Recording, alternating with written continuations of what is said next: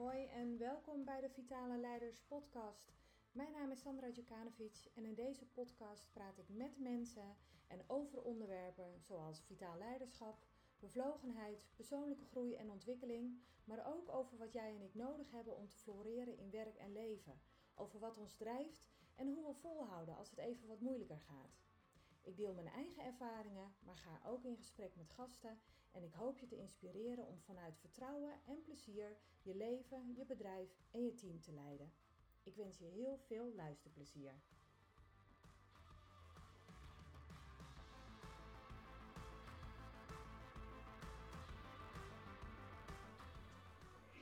In deze aflevering ga ik in gesprek met uh, Nanneke van Drunen.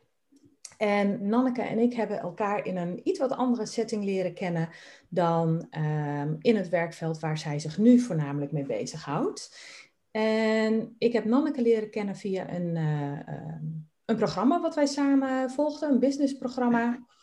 En toen hield zij zich nog veel meer bezig met ehm, copy en content, uh, content schrijven. En zij heeft een switch gemaakt en daar ga ik haar ook ehm, hopelijk hele interessante vragen over stellen. Gaat ze hele interessante antwoorden op geven. Dus welkom Nanneke, hartstikke leuk dat jij uh, te gast wilt zijn in mijn podcast. Ja, dankjewel. Superleuk dat ik te gast mag zijn in jouw podcast. Gefeliciteerd nog met je lancering. Ja, dank je, dank je, dank je. Je bent uh, de eerste gast ook. Oh, wat dus een eer. Ja, ja, hartstikke leuk hey, en um, ik heb specifiek eventjes niet, uh, uh, niet gezegd wat jij nu precies doet. Dan wil ik jou heel graag zelf uh, laten vertellen. Dus stel jezelf eens voor. Wie ben je en wat doe je nu? Nou, mijn naam is uh, Nanneke van Drunen en ik help mensen eigenlijk met het herschrijven van hun verhaal. Dus dan kun je ervan um, van uitgaan dat het ingaat op belemmerende overtuigingen, dus eigenlijk achter je laten en zo je verhaal herschrijven, zodat je dingen die je meeneemt vanuit je verleden niet meer meeneemt in je toekomst en zo dus je verhaal verandert en je toekomst verandert. Dat is het eigenlijk in een notendop. En waar kwam jij dan vandaan? Wat is er nu zo anders dan uh, zoals je dat eerst deed? Ja, alles zo ongeveer. Ja? ja, ik ben uh, uh, opgegroeid als een kind wat het heel leuk vond om te schrijven. En ik had een keer een schriftje gevonden bij mijn ouders thuis. Dus ik een jaar of zeven of acht. En daar schreef ik al hele verhaaltjes in en zo. En uiteindelijk ben ik dus Academie voor Journalistiek en Voorlichting gaan doen. Mm-hmm. Ik ben afgestudeerd als uh, voorlichter en ben daarna dus als communicatieadviseur en als tekstschrijver gaan werken. Heb dat eerst in uh, loondienst gedaan en ben toen in um, april 2010 voor mezelf begonnen als uh, freelancer. Maar heb datzelfde nog gedaan. Dus ik was communicatieadviseur en tekstschrijver voor verschillende klanten. En ben toen op een gegeven moment uh, meer richting online ondernemen gegaan, omdat ik dat uh, gewoon heel tof vind. En ik ook heel graag reis. Dus dan is het natuurlijk fijn dat je een bedrijf kunt bouwen wat ja, ook doorgaat als je niet per se in Nederland bent. Ja. En voor mij was het het gewoon het makkelijkste om dichtbij te blijven bij wat ik op dat moment deed en wat ik kende. En dat was natuurlijk copywriting, content en ja, storytelling. Mm-hmm. Dus dat was voor mij toen een hele logische keuze om te zeggen: Oké, weet je, dat, dat kan ik, daar heb ik ervaring in, daar is vraag naar, laat ik me daarop gaan richten. Ben je ook en, goed in? Uh, sorry? Ben je dan ook goed in? Uh, ja, kan, Ik, uh, kan ik prima. Ja. dus dus dat, dat was gewoon, ja, 1 en 1 is 2, dacht ik op dat moment. En dat, dat was ook prima. Alleen toen kregen wij in oktober 2019, ja, kregen wij te horen dat een van mijn uh, schoonzussen, ik heb er twee, maar dat zij uh, acute leukemie bleek te hebben. En um, ja, dat was natuurlijk voor haar en voor mijn broer was dat uh, wereldschokkend. Maar niet alleen voor haar. Ik merkte dat dat met mij ook heel veel deed. En ik voelde me ook heel erg machteloos. Hmm wat, wat kon ik doen? Je, zij lag in quarantaine in het ziekenhuis, ik mocht er niet bij. Ik kon op afstand heel weinig doen, maar wat ik wel kon doen was, was gaan lezen en me verdiepen in hoe worden mensen nou ziek en hoe kunnen mensen nou helen. En ik had een aantal jaar daarvoor een onderzoek gelezen waarin ik had ontdekt dat er in Amerika dus was onderzocht wat schrijven voor je kan doen als je dus ziek bent. En die onderzoekers die hadden dus uh, twee groepen mensen genomen en de ene hadden ze een aantal dagen laten schrijven over algemene dingen. Andere groep hadden ze laten schrijven over ja, vervelende gebeurtenissen uit het verleden, over dingen waar ze, waar ze emoties bij voelden. En toen hebben ze dus bij beide groepen hebben ze een stukje huid afgenomen en gekeken hoe dat helingsproces daarna verliep. En daaruit bleek dus dat de mensen die hadden geschreven over hun emoties en over die nare gebeurtenissen, dat hun huid letterlijk sneller heelde dan die groep die over algemene dingen had geschreven. En ze zich ook beter voelden en ze ook in de maanden daarna minder naar de gezondheidskliniek gingen. En ik weet nog dat ik dat, ja, wauw, precies. Ik weet nog dat ik dat dus ook dacht toen ik dat in, ik denk 2017 voor het eerst las. Maar ik was volop bezig om een bedrijf richting dat commerciële schrijven te duwen. Dus ik dacht, ja, nee, heel interessant, maar niet nu. Dus ik heb dat geparkeerd. En door die diagnose van mijn schoonzus kwam dat weer naar boven en ben ik helemaal in die materie gedoken. En werd daar zo enthousiast over, omdat het zo simpel is, hè? Vier dagen, twintig minuten schrijven. En dat kan gewoon je gezondheid verbeteren. Ja. En ik had gewoon zoiets van, ik moet hier iets mee. En dat is achteraf gezien, we zijn nu anderhalf jaar verder ruim, is dat eigenlijk een soort van kantelpunt geworden voor mij als persoon, maar ook voor mijn bedrijf. Ja, wauw. Wat een verhaal ook. Ja. Ja, ja.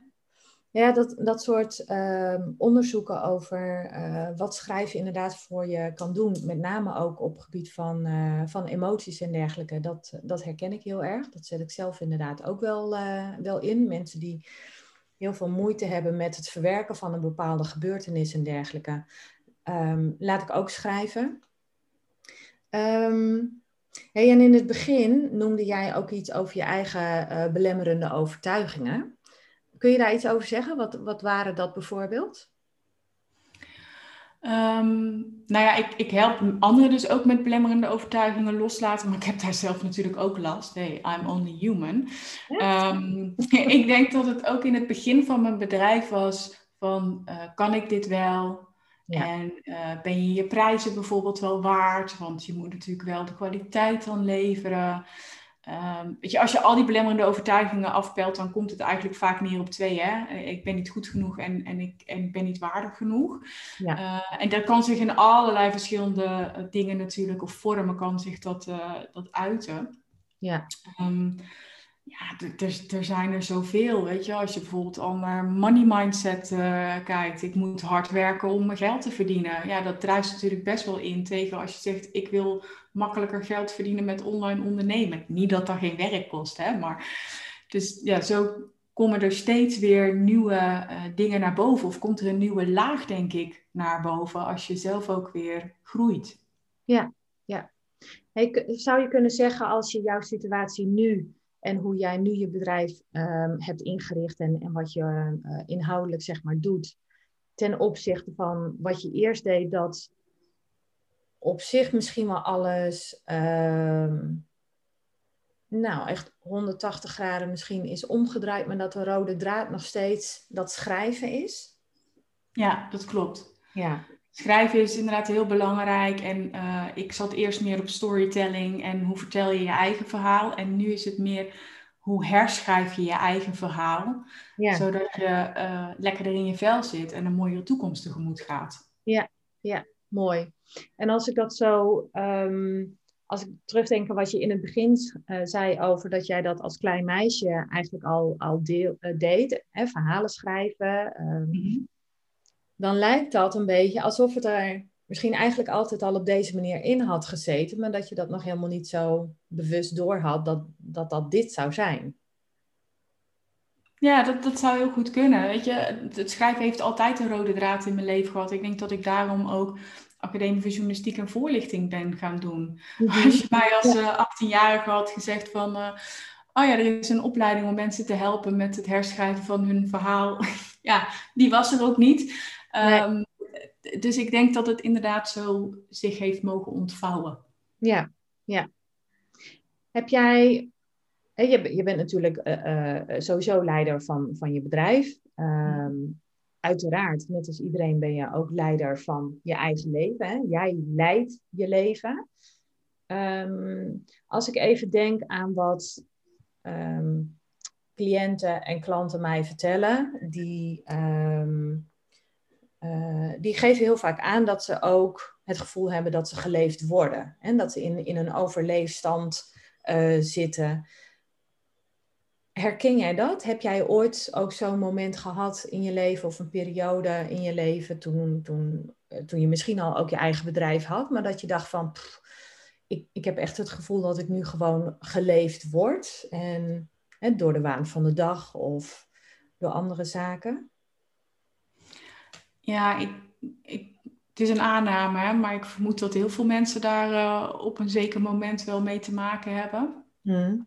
Ik weet nog dat ik in loondienst was. En dan zijn er toch altijd weer die, die heftige dingen die gebeuren. Uh, die je dan eens goed laten nadenken. Hè? En ik wilde al heel lang op wereldreis. En ik, ik zat uh, um, te werken. Het was een vrijdagochtend bij het reclamebureau waar ik toen werkte. En ik kreeg een mail van uh, mijn beste vriendin dat iemand die zij kende, was van onze leeftijd. Die um, was al eerder ziek geweest, was beter geworden en dan hadden ze, uh, zij was terug het ziekenhuis in. En die had horen gekregen dat ze binnen vijf dagen zou sterven. Dus die zou de 30 niet halen. En dus, ik weet nog dat ik achter mijn bureau zat en dat ik dacht, ik was zelf 29. En dat ik dacht, oh mijn god, kan dus gewoon gebeuren hè? Dat je je 30 verjaardag niet haalt. En ik wil al tien jaar op wereldreis en ik doe het niet omdat ik bang ben. Mm En dat is wel zo'n moment geweest dat ik dacht, klaar mee. En uh, een baan opgezegd en ik ben op wereldreis gegaan. Gewoon en, opgezegd? Ja, gewoon opgezet. Zelf slag genomen. Ja. Wauw. Ja. Moedige beslissing. Ja. Maar het is, het is prima geweest, weet je. En tijdens die reis is ook het idee ontstaan om voor mezelf te beginnen. En dat heb ik dus ook na mijn wereldreis heb ik dat gedaan. Dus dat waren best wel veel heftige veranderingen in, uh, in korte tijd. Oh. Um, en ik denk dat net voor de diagnose van mijn schoonzus... Dat, dat ik ook in zo'n um, periode zat dat ik dacht, is dit het nou? En wil ik dit nou? En, weet je, dat was echt zo'n fase. Dat ik het allemaal niet altijd even leuk meer vond. Ik bedoel, ik vond mijn werk leuk en ik vond het leuk dat ik klanten kon helpen en zo. Maar toch was er iets waarvan ik dacht, hmm, ja. het een beetje of zo. En dat is wat, wat je heel vaak uh, ook, ook terug hoort en terugleest, is dat ehm, als je dan niet meer, uh, nou ja, hè, noem het lekker in je vel zit, um, of als je um, meer vrijheid wil, word dan vooral ondernemer. Want dan kun je zelf bepalen en dan heb je beschikking over je eigen, eigen agenda. En, en jij bepaalt hoeveel uur je wilt werken op een dag. En het klinkt allemaal allemachtig prachtig en hartstikke fantastisch. en het is ook gewoon domweg hard werken. En nu moet je het ineens in je eentje doen. Je hebt natuurlijk helemaal geen uh, echt sociaal vangnet of iets dergelijks. Um, en je kunt wel degelijk natuurlijk in de stress schieten van... Uh, wat nou als, als ik geen, geen klanten genoeg heb, uh, dan heb ik dus ook geen omzet. Hoe ga ik nou nog een plakje kaas op mijn brood uh, krijgen, bewijs van? Hè? Absoluut. Dus het is, ja. en, en dat levert natuurlijk stress op. Um, en die stress die zorgt je dus inderdaad gewoon voor dat je ook in die overleefstand zit. Dat is, dat is een onwijs gebrek aan, aan gevoel van vrijheid, aan, aan autonomie. Dus vandaar ook inderdaad mijn vraag van hè, hoe, hoe kijk jij daar als, als ondernemer dan tegenaan? En, en herken je dat idee van uh, wel in een overleefstand zitten? Omdat ook ondernemers natuurlijk gewoon domweg te maken hebben met stressvolle situaties. Ja, zeker. Weet je, en ik heb de mazzel gehad dat mijn bedrijf vanaf het begin eigenlijk goed heeft gelopen. En um, ik heb altijd wel het vertrouwen gehad van die volgende klant die komt wel. En weet je, mijn hypotheek kan ik altijd betalen. Dat, dat is ook altijd zo geweest. Um, maar ik, ik denk dat het er bij mij meer op zat van is dit het nou? En ze doen inderdaad heel vaak voorkomen dat online ondernemen, dat, dat is gewoon appeltje-eitje. Mm -hmm. En dat ik ook dacht, ja, maar zo voelt het helemaal niet. Nee. Ik moet eigenlijk opnieuw beginnen. En, en weet je, want ik, ik werkte voor klanten. Ik deed het werk voor klanten. En ineens moest ik mensen gaan leren hoe ze het dan zelf moesten doen. Ja, dat, dat vraagt natuurlijk ook weer heel andere vaardigheden. En ik vind het superleuk, hè, want ik leer graag en ik vind het leuk om in nieuwe dingen te verdiepen. Maar het is wel en, en, en, en, en. En ik denk dat het bij mij ook een opeenstapeling was van een aantal dingen. En ook heel erg vanuit mijn hoofd leven.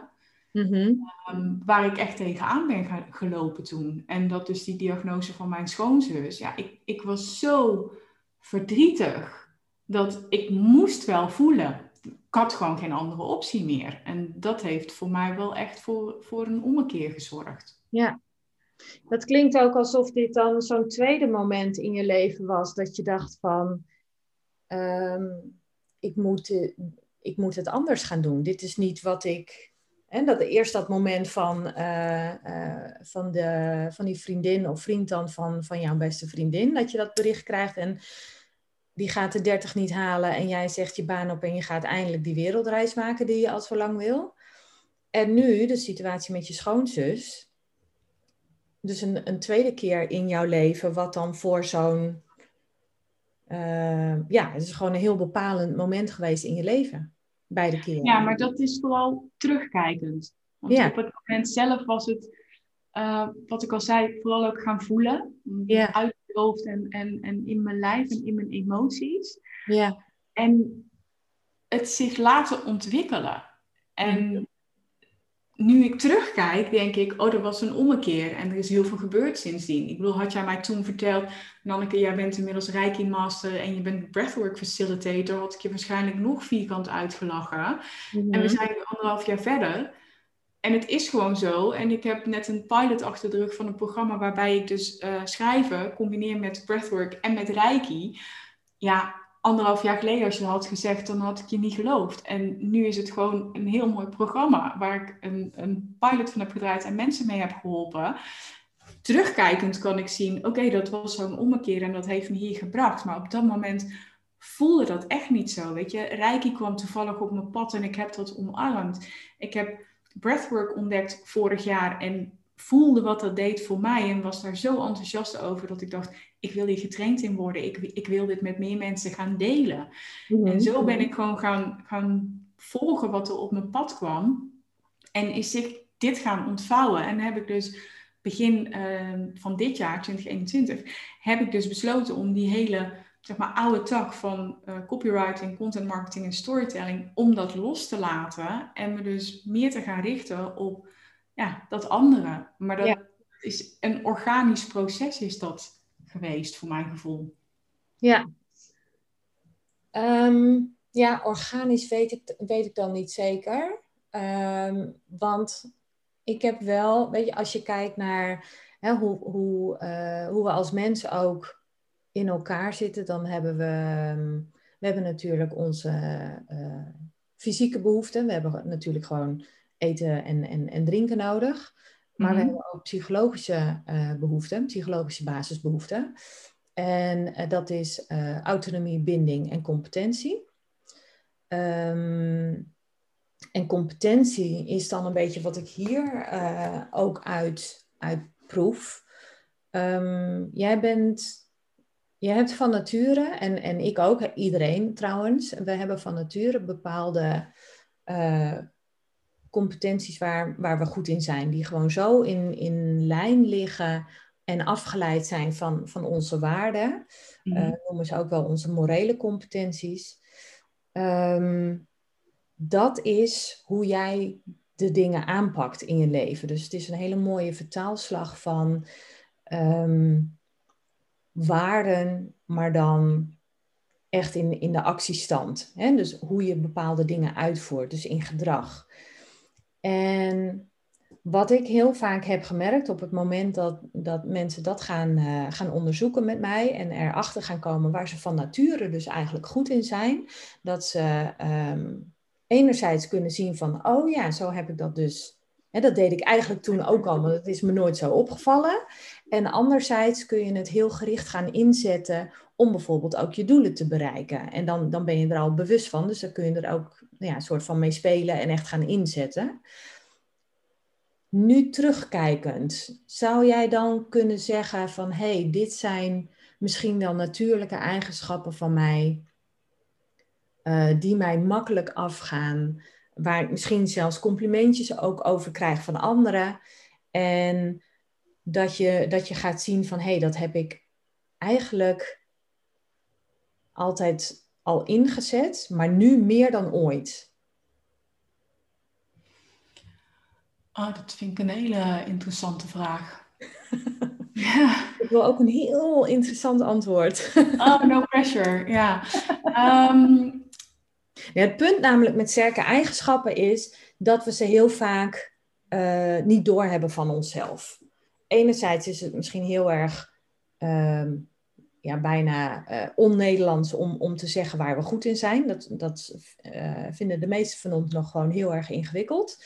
Uh, maar het andere punt is natuurlijk ook, onze sterke eigenschappen gaan. Dat, natuurlijk kunnen we dat goed. Dat, dat gaat ons goed af. Dus het valt ons ook domweg niet meer op. Voor ons is het vanzelfsprekend. Ja, dat doe je toch gewoon. En dat, ja, ja. dat vind ik niet zo bijzonder. Ik, ik denk dat het wel aansluit, maar dat het nu in een andere vorm is. En dat ik dat ook wel deed toen ik mensen hielp met copywriting en content marketing storytelling. Mm -hmm. uh, maar dat de vorm nu natuurlijk anders is. En wat ik bijvoorbeeld heel erg mooi vond, is dat een van de uh, deelnemers aan Breathe and Write ook tegen mij zei, van, uh, na een breathwork sessie, dat ze zei, Nanneke, je voelt gewoon dat dit jouw ding is.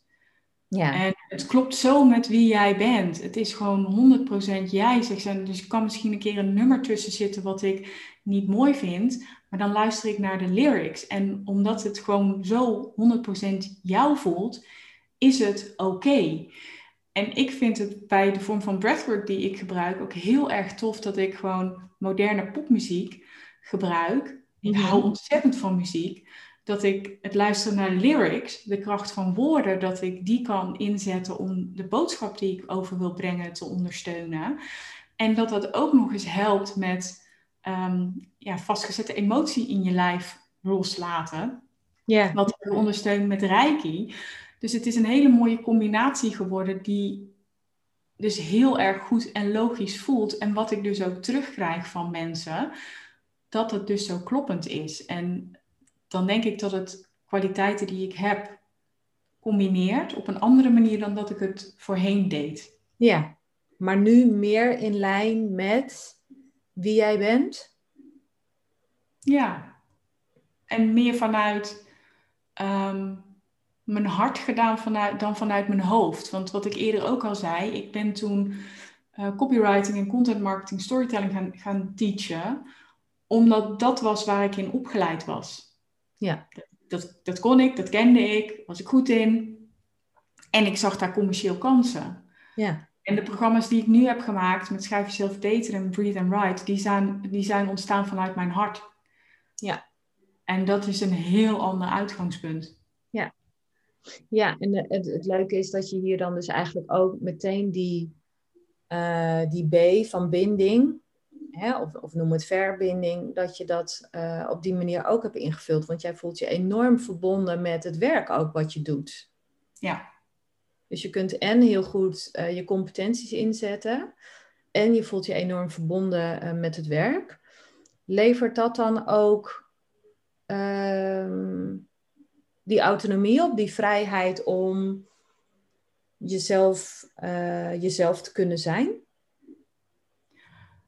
Ja, dat denk ik wel. Omdat ik meer vanuit mijn hart doe en minder vanuit mijn hoofd. Dat ik ook dichterbij kom bij wie ik als mens ben. Mhm. En ook in mijn bedrijf daardoor uh, andere keuzes maak. En ik. ik um, nou, door bepaalde dingen die goeroes zeggen dat je moet doen, uh, niet meer te doen of anders te doen. Of uh, als iemand zegt het stappenplan is uh, A, B, C, D, E. En ik denk, ja, maar D vind ik helemaal niet tof. En ik denk ook niet dat het nodig is. Dan doe ik gewoon A, B, C, E. Uh, dus daar die vrijheid in nemen. En als je zoekt naar dat stukje autonomie en vrijheid, dan neem ik alles wat ik tot nu toe heb gedaan in zeg maar, het nieuwe bedrijf mm -hmm. wel mee om echt te kijken hoe kan ik nou dat bedrijf maken wat past bij mijn visie? En mijn visie is nog steeds, als het weer mogelijk is, de wereld over reizen.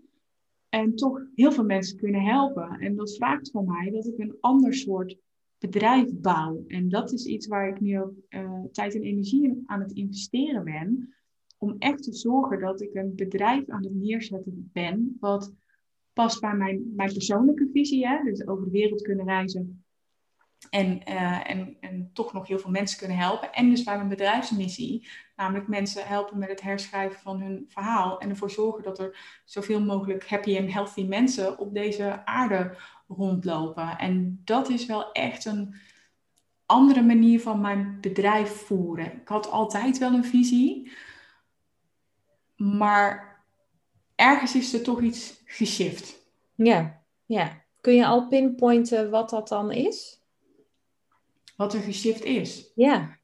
Ja, ik denk dat dat wel te maken heeft met ehm, dat ik heel erg was van uh, de goeroe zegt dat het zo moet. Dus ik ga dat gewoon via van A naar B tot Z ga ik dat volgen. Of dat ik het nou leuk vond of niet. Hè? Mhm. En dat ik nu stilsta bij, ja, maar wat vind ik dan niet leuk? En moet ik dat wel doen? En kan het op een andere manier? En ehm, ook steeds meer luisteren naar, maar wat, wat wil ik? En dat kan dus ook betekenen dat ik dus uh, nee ga zeggen tegen bepaalde klanten. Omdat dat dus niet langer in mijn visie past. Ja. Ehm, en, en dat soort kleine dingen die dan toch heel groot kunnen zijn. Ja. En dus ook met focus gaan werken in je bedrijf. Hè? En ook um, nee zeggen tegen kansen. Mm je, voorheen zei ik nog wel eens ja, omdat ik dacht, oh het is leuk en oh dat doen we wel. En dat ik nu merk dat ik met veel meer focus ook aan de slag ben. En dat ik denk, is een mooie kans, maar niet nu of niet voor mij. Past niet binnen mijn visie. Daar waar ik voorheen daar nog wel eens vaker van afweken, want dat was leuk. Of dan kon ik die ander helpen, maar dan hielp het mij niet verder in mijn visie en mijn missie. Nee. En dat merk ik dat ik nou wel heel erg sterk heb. Dat ik denk, nee, dit is waar ik naartoe werk. En alles wat daar nu niet in past, ga ik Ja. gewoon niet doen. Nee. Herkenbaar, herkenbaar. Nou, gelukkig. Wat Ja. brengt dat jou dat je dat doet? Nou, wat ik, ehm, ehm, waar ik ehm, voor mezelf ook heel erg ben achtergekomen is, en dat, dat morele competentieverhaal, ehm, dat kan ik met een bepaalde eh, goed gevalideerde test, kan ik die informatie ophalen. En dan werk ik eigenlijk het meest met, eh, met de top 5 die daaruit komt. En ehm, nou, bijvoorbeeld bij mij op nummer 1 staat eh, oprecht, eerlijk en authentiek. Ehm, als ik dat ehm, eh, eh, probeer te bedenken hoe dat naar voren is gekomen, wat, wat klanten of cliënten dan over mij zeggen, dan is dat in woorden als van ja, dat, dat, dat ik echt ben. Hè, Mm. What you see is what you get. Ehm, geen poeha, geen toestand eh, eh, eromheen. Ehm, ik zeg wat ik doe en ik doe wat ik zeg. Een beetje dat idee. Dat betekende, of heeft voor mij ook betekend dat ik inderdaad ook wel eens tegen bepaalde opdrachten eh, nee heb gezegd. Omdat op inhoudsniveau wat ik vervolgens moest gaan, ehm, ja, wat ik moest gaan vertellen, waar ik een training of een, een workshop of zo over moest gaan geven, dat ik mij daar niet in kon vinden. Dat ik, dat ik dacht van ja, maar zo zit het helemaal niet. Ehm, nou ja, en jij weet net zo goed als ik als zelfstandig ondernemer, als je ergens een nee tegen zegt, dan loop je omzet mis. Dus Ja. je wordt wel degelijk natuurlijk direct geraakt in, ehm, in het financiële plaatje. En toch zeg ik nee, want het ligt overduidelijk niet in lijn met, ehm, met mijn waarden. Mhm. En voor mij is dat heel duidelijk ehm, ja, de kant die we, ehm, ja, die we op zouden moeten. Die mensen ook, hè, ook als ik kijk naar de, de cliënten die ik dan eh, begeleid, die ik daarmee help, dan gaan we inderdaad ook op zoek naar, eh, ja, maar wie ben jij nou? En dat gaat eigenlijk altijd over, over waarden en vervolgens ehm, welke normen en welk gedrag hang jij daar dan aan, zodat jouw gedrag ook daadwerkelijk in lijn ligt met jouw waarden. Want we kunnen nog steeds heel veel ehm, ja, op dat waardeniveau vinden, Maar de, het, de toetsing zit er natuurlijk in, komt het ook tot uiting in je gedrag?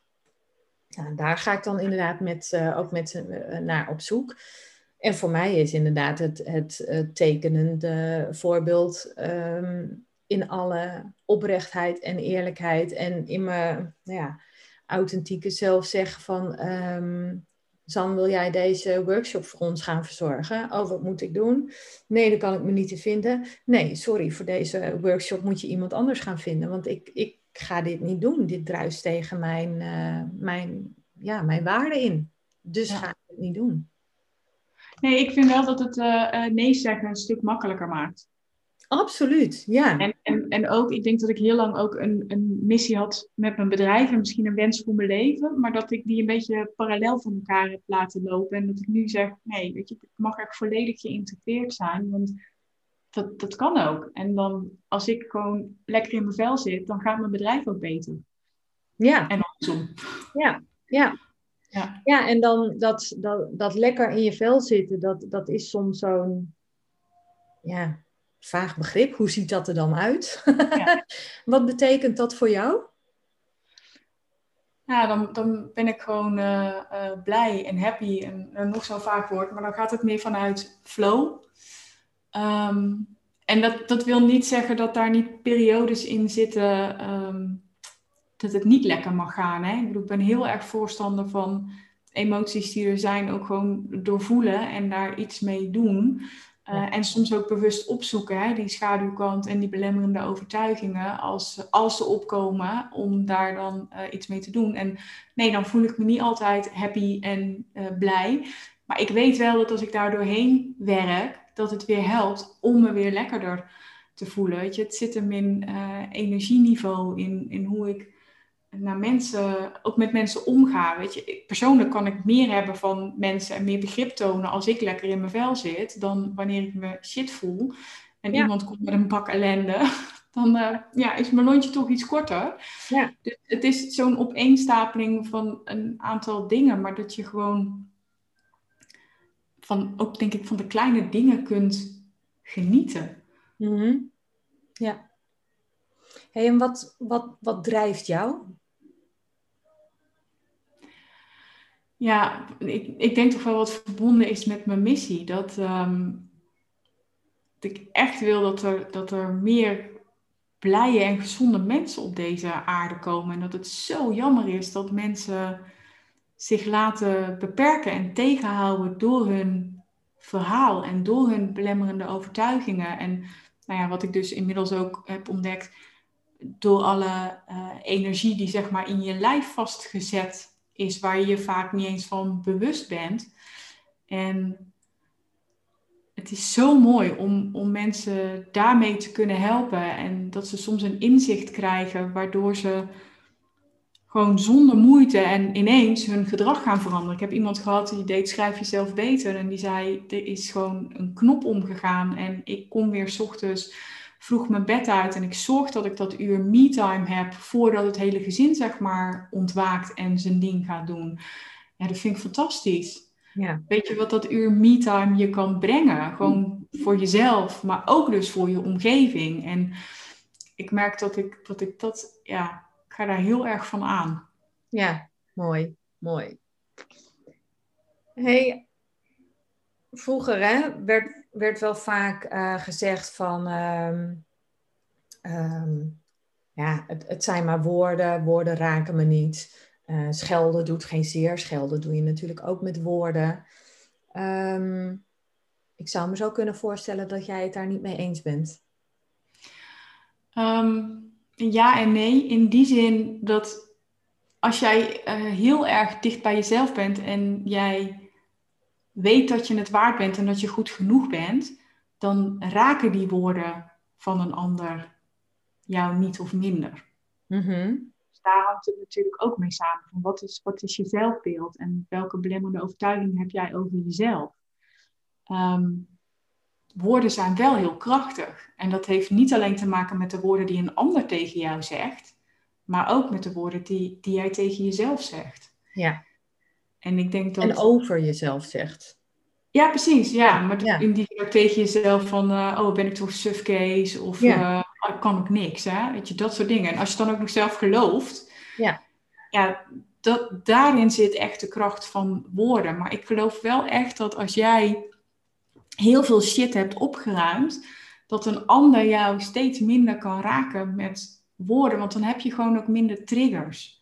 Weet je, mhm. die ander die kan jou triggeren, maar die heeft niet die knop daar geplaatst. Dat is in het verleden gebeurd, daar ben jij bij geweest. Maar jij bent wel degene die het kunt, die die knop zeg maar kan afschroeven en kan zorgen dat jij voortaan niet meer getriggerd wordt. En dat zit hem natuurlijk heel vaak ook in woorden, ook in gedrag, maar absoluut in woorden. Dus daarom denk ik dat het heel belangrijk is om eh, dat niet te negeren, maar daar dus wel mee aan de slag te gaan. Omdat het in het moment misschien heel oncomfortabel is. Maar het zo fijn is als het geen trigger meer is. Want dan doet het je de volgende keer niks meer als iemand dat zegt. Dan kan je zo woep, van je teflonlaagje af laten glijden. Ja, ja. Ja. Hmm. Ehm, leider zijn van je eigen bedrijf vraagt natuurlijk ook uh, een stukje zelfleiderschap.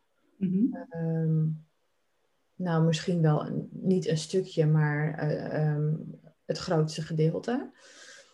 Um, op welke manier ben jij met jouw eigen persoonlijke groei of ontwikkeling, zelfleiderschap bezig geweest? En heb je, dat, heb je daarmee een, een positieve um, omslag weten te bereiken in je bedrijf?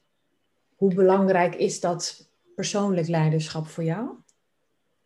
Ja, belangrijk. Ik, ik denk dat het heel belangrijk is om je persoonlijk te ontwikkelen. Ik denk ook dat het voeren van een bedrijf, hoe klein het ook is als eenmanszaak, um, dat het echt één grote persoonlijke ontwikkelingsreis is. Want je komt voor moeilijke keuzes te staan.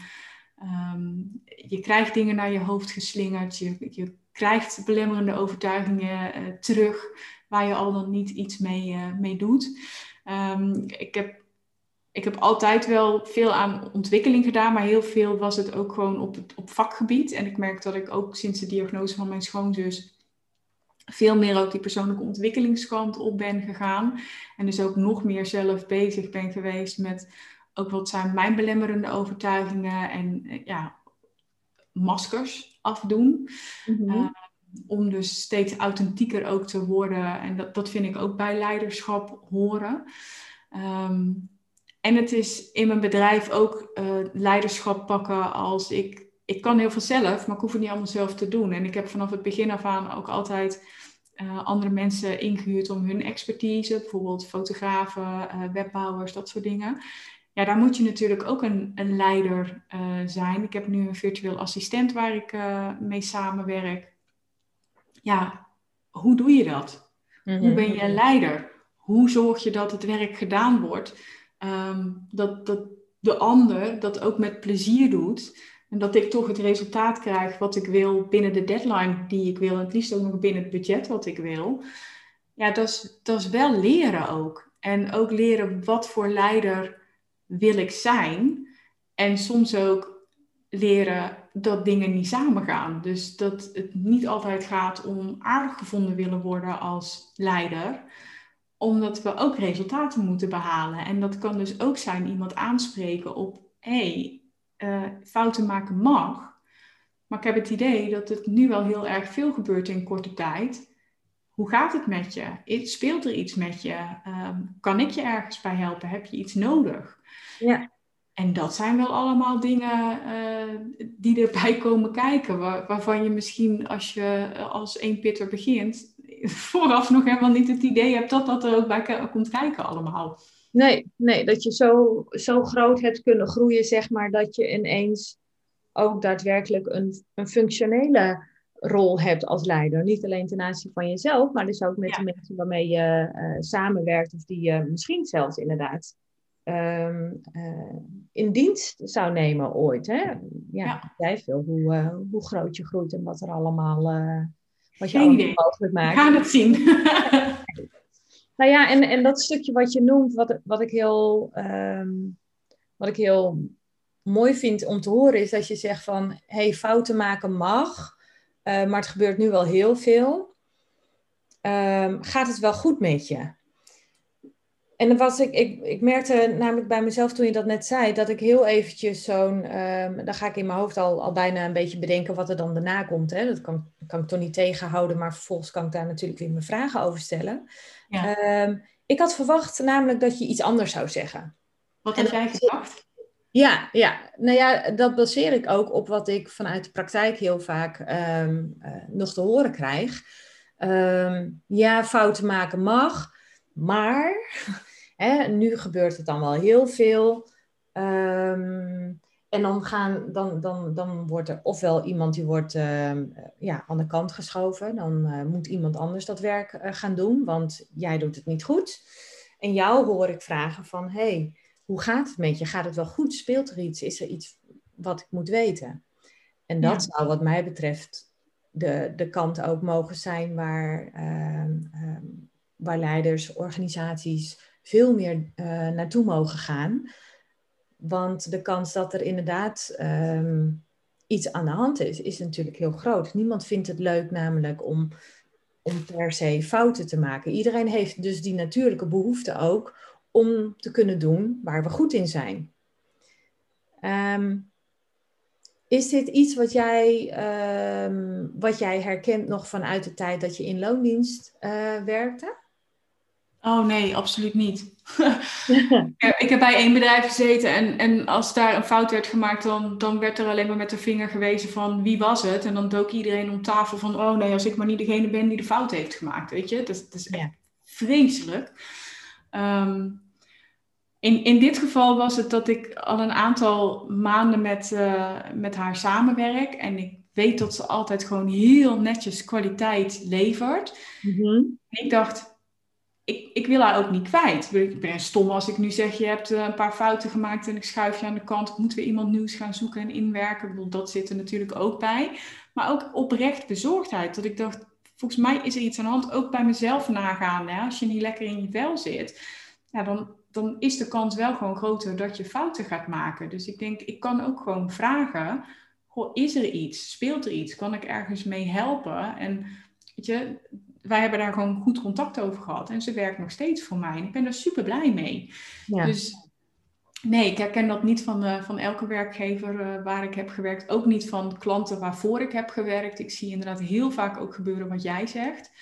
Um, dat, dat mensen zeggen dat fouten gemaakt mogen worden, maar dat je er vervolgens op afgerekend wordt. Ja, ja. ja vind, vind ik heel jammer. Want het hoeft namelijk helemaal niet. In, in een goed dialoog, in een goed gesprek, kom je volgens mij veel verder. Ja, ja. En als je als, ehm, als leider uh, je teamleden uh, kent, daarin ook investeert eigenlijk, hè, moeite doet om ze ook te leren kennen, dan weet je hoe iemand in elkaar zit en dan, dan, dan kun je uh, snappen dat wanneer er fouten gemaakt worden of iets, iets minder soepel loopt, dat er misschien wel iets aan de hand zou kunnen zijn. En op basis daarvan kun je dan inderdaad ehm, eh, je vragen gaan stellen. Want het, het afbreukrisico is zo enorm uh, groot, al is het sowieso al op dat, dat persoonlijke niveau. Wat, wat het met iemand doet om afgerekend te worden op, uh, op de fouten die je, die je maakt. Ja.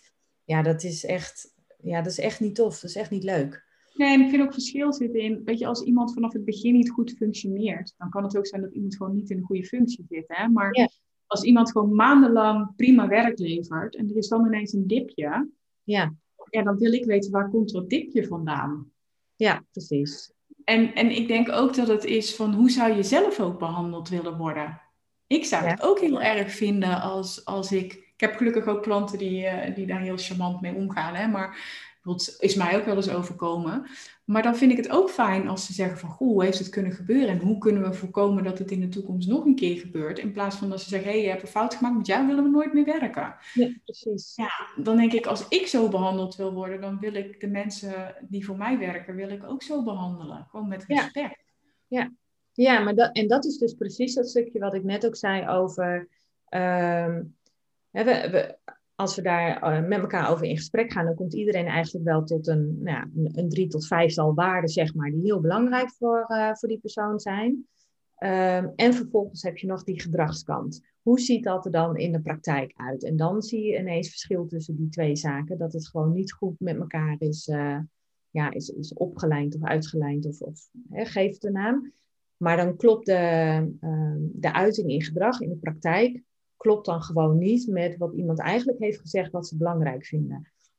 En dat, eh, daar kun je natuurlijk ook gewoon weer in leren. Als dit is wat jij belangrijk vindt, nou, dan kunnen we dus gaan ontdekken welk gedrag daar dan bij hoort. En, en misschien moet je daar nog bepaalde vaardigheden voor aanleren in, weet ik veel, gesprekstechnieken of uh, ja, misschien vindt, vindt iemand het zelf moeilijk om met bepaalde emoties om te gaan of zo. Hè? Dan kun je daar gewoon nog heel veel in leren. Maar zorg dat die twee dingen gewoon kloppend zijn. Dat dat matcht met elkaar. Ja, ja eens. Ja, dan is het ook gewoon natuurlijk congruent en consistent. Precies dat. Ja. Ja. Ehm, wat is jouw grootste nou, takeaway, zeg maar, als je kijkt naar loondienst en wat je nu in je ondernemerschap meemaakt? Wat, wat is wat iemand, of, of misschien, een, misschien een les, zo van, goh, als ik toen had geweten wat ik nu weet, dan had ik het misschien anders gedaan. Wat zou je iemand willen meegeven? Ehm, dat je het vooral op jouw manier mag doen. Ja. En dat is wat ik heel lang dus niet heb gedaan door te luisteren naar goeroes. En dan als het niet goed voelde, het vooral toch te doen, want zo moest het werken. Um, en Wij zeiden dat zo. Ja, en voor hen heeft het ook gewerkt, hè. Dus oh. maar dat je er een formule van maakt en dat dan vervolgens verkoopt. Maar dat wil niet zeggen dat het voor iedereen werkt. Ja. En ik denk dat dat ook het leuke kan zijn van eh, je eigen onderneming hebben. Maar dat vraagt ook moed om hm. het dus te doen zoals jij wil. En ik denk wat ik net ook zei, dat het belangrijk is om te kijken van hoe kan ik eigenlijk de wens die ik heb met mijn leven als, als persoon, ja. hoe kan ik daar ehm, mijn bedrijf bij maken, zodat het volledig geïntegreerd is en je bedrijf dus ook dat, dat, ja, dat droomleven zeg maar, van jou ondersteunt en niet in de weg staat. Want je kan bijvoorbeeld zeggen van ik wil uh, digital nomad zijn, maar als jij vervolgens freelancer wordt en interimmer wordt, waarbij je dus vijf dagen in de week bij een klant op kantoor moet zijn, ja, dan kan je zeggen, ik doe een klus en ik ga daarna drie maanden reizen. Dus dat is waar je blij van wordt, moet je dat doen. Maar in mijn geval betekent dat dus dat ja, ik ben ook niet voor mezelf begonnen om te gaan interimmen. Nee. Dus daar ook heel erg keuzes in maken en kijken van wat, wat werkt voor mij. Ja, nou, wat ik heel mooi vind wat je zegt is, ehm, wat, wat wens ik voor mezelf? Wat is het leven dat, ehm, dat ik wil leiden? Ehm, en, en hoe wil ik zijn? en dat je daar dan vervolgens je ja, bedrijf eigenlijk omheen bouwt of zo. Hè? Het bedrijf staat echt ten dienste van, uh, van jouw leven op die manier. Ja. En dan, maar daarvoor moet je er wel ook achter komen wat het dan is wat je eigenlijk wilt. Wat, wat wil je dan eigenlijk in je leven en met je leven? En... Klopt, maar je, maar je bedrijf hoeft ook niet stil te staan. Net zoals dat jij als mens niet stilstaat. Mijn bedrijf van nu lijkt in niks meer op het bedrijf wat ik tien jaar geleden had. En dat is helemaal oké. Ja, ja. Ja, in die zin ontwikkel je natuurlijk allebei uh, door. Ja, ja. ja. Ja, maar, dan dus ook zorgen dat, dat het ene niet stil blijft staan. Ja, ja. ja maar het vraagt natuurlijk een heel stuk ehm, zelfkennis. En, en, en uh, het is eigenlijk gewoon een soort van ontdekkingsreis wat je doormaakt. Absoluut. Uh, wat ook nooit stopt, volgens mij. Om, Ik denk het ook niet. Om jezelf te leren kennen. Nee. En dat is iets wat ik, um, uh, wat ik ook heel vaak terug hoor in, uh, ja, bij, bij de mensen die ik begeleid. Is op de vraag van wat, wat wil je nou eigenlijk? Ja, daar moet gewoon echt serieus over nagedacht worden. En, en dat, die ontdekkingsreis is onderdeel van, van een heel traject. Wat wil ik nou eigenlijk echt? En waar ben ik dan goed in? En hoe moet mijn leven er dan eigenlijk uitzien? Dat is in een, dat, die persoonlijke reis, zeg maar, dat, dat stukje persoonlijke ontwikkeling en persoonlijke groei, persoonlijk leiderschap, zoals je wil, um, is een hele belangrijke en kun je vervolgens ook doorvertalen naar je manier van leiding geven. En of dat nou functioneel in een organisatie is aan je team, of dat het aan je eigen bedrijf is, ehm, dat maakt op zich niet zo heel veel uit. Nee, dat denk ik ook. Maar ik, ik denk dat als je een goede combinatie daartussen vindt, dat het, dat het leven en je werk alleen maar leuker wordt. Ja, ben ik met je eens. Vind ik ook een mooie afsluiter. Helemaal goed. Dat we maar met z'n allen die kant op uh, mogen gaan. En dat uh, als schrijvende en um, ja, mogen ontdekken eigenlijk. Ja, vind ik een heel goed plan. Nanneke, hartstikke bedankt voor, uh, uh, voor het feit dat jij uh, de eerste gast wilde zijn in mijn, mijn podcast. Wat mij betreft ben je inderdaad de vitale leider. En tegelijkertijd zijn we, denk ik, allebei en, en iedereen met ons om ons heen nooit uitgeleerd en nooit uitontwikkeld en uitgegroeid in, in onze ontdekkingsreis naar dat, ja, naar dat leiderschap, naar dat persoonlijk leiderschap. Ontzettend bedankt voor deze podcast. En uh, ik wens jou uh, een hele fijne, mooie dag toe. Graag gedaan en ik jou ook. Wat een leuk, eerlijk, oprecht gesprek was dit met Nanneke. Ik hou hier zo van. Als je haar uh, schrijfwerk en breathwork nou uh, interessant vindt en je wilt daar meer over weten, volg haar dan vooral eventjes op de verschillende social media kanalen. En um, haar podcast is ook te vinden op Spotify, de Nanneke van Drunen podcast. En daar vertelt zij uh, veel meer over het werk wat ze doet en met wat voor resultaten zij daarmee weet te bereiken. En als je daar toch bent, schrijf je dan ook vooral even in op de Vitale Leiders podcast. Dan mis je in het vervolg geen enkele aflevering meer. En er staan nog meerdere interessante uh, gasten op stapel waar ik mee in gesprek ga. Dus uh, dat wordt hartstikke leuk. Uh, voor nu wens ik jou een hele fijne dag en ik hoop graag tot ziens bij de volgende aflevering. Doei!